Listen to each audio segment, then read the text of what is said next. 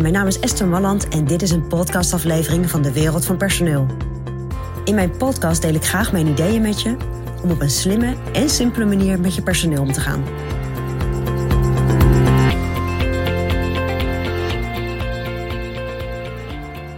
Ja, als je leiding geeft of als je managt, als je een team managt, dan spreken we daar wel eens vaak over met mensen en die zeggen: Ja, weet je, dat moet, dat moet je fulltime doen.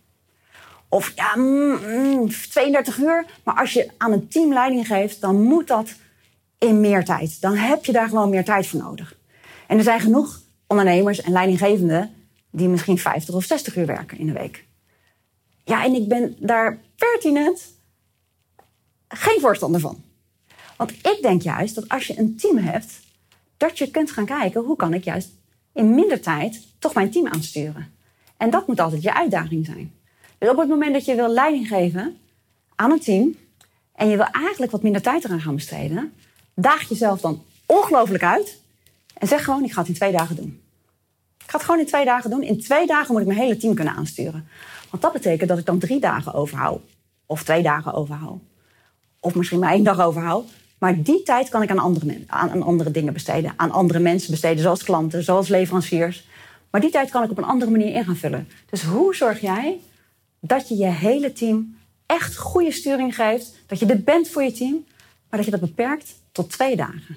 En dan denk jij misschien, onmogelijk. Nou, ben ik het niet mee eens. Want het lukt je blijkbaar ook, en dat vind ik altijd grappig, om het wel in bijvoorbeeld vier dagen te doen. Of het lukt je om in vijf dagen te doen. En het is niet zo dat je bijvoorbeeld 80 uur per week bezig bent met je team aansturen en met allerlei zaken doen. Dus op de een of andere manier heb je ergens een thermostaat gezet. En die thermostaat staat voor jou misschien op vier dagen, op vijf dagen, op 50 uur, op 30 uur, op 40 uur. I don't know. Maar kijk eens of je jezelf kan uitdagen om minder tijd te gaan besteden aan het sturen van je team. Dus veel meer nog op de hoofdlijnen te gaan sturen. Ook te kijken, hè, waar moeten we ons op focussen en waar liggen de prioriteiten en waar wil ik dat mijn team ook echt zich op focust en prioriteiten stelt.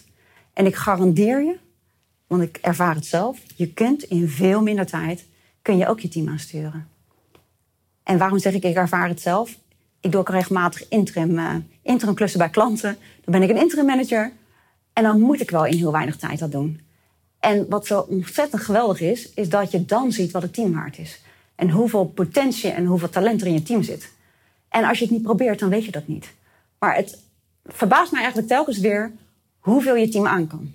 Dus als jij nou iets minder gaat leiding geven, iets minder gaat aansturen en dat wat meer aan je team overlaat, nou, dan moet je zien wat er gebeurt. Dat levert jou veel meer op, veel meer tijd om andere dingen te doen, maar het levert je team ook heel veel meer op. Want je vertrouwt ze meer toe, je laat ze meer zien wat ze in huis hebben en uiteindelijk eh, ja, vind ik dat geweldig om te zien wat er dan gebeurt. Dus denk er eens over na. Dat is mijn persoonlijk advies vanuit de wereld van personeel. Ontwikkelingen in de wereld van personeel blijven volgen? Abonneer je dan op ons podcastkanaal. ook op onze website vind je allerlei slimme ideeën en adviezen. Dus kijk even rond op www.dewereldvanpersoneel.nl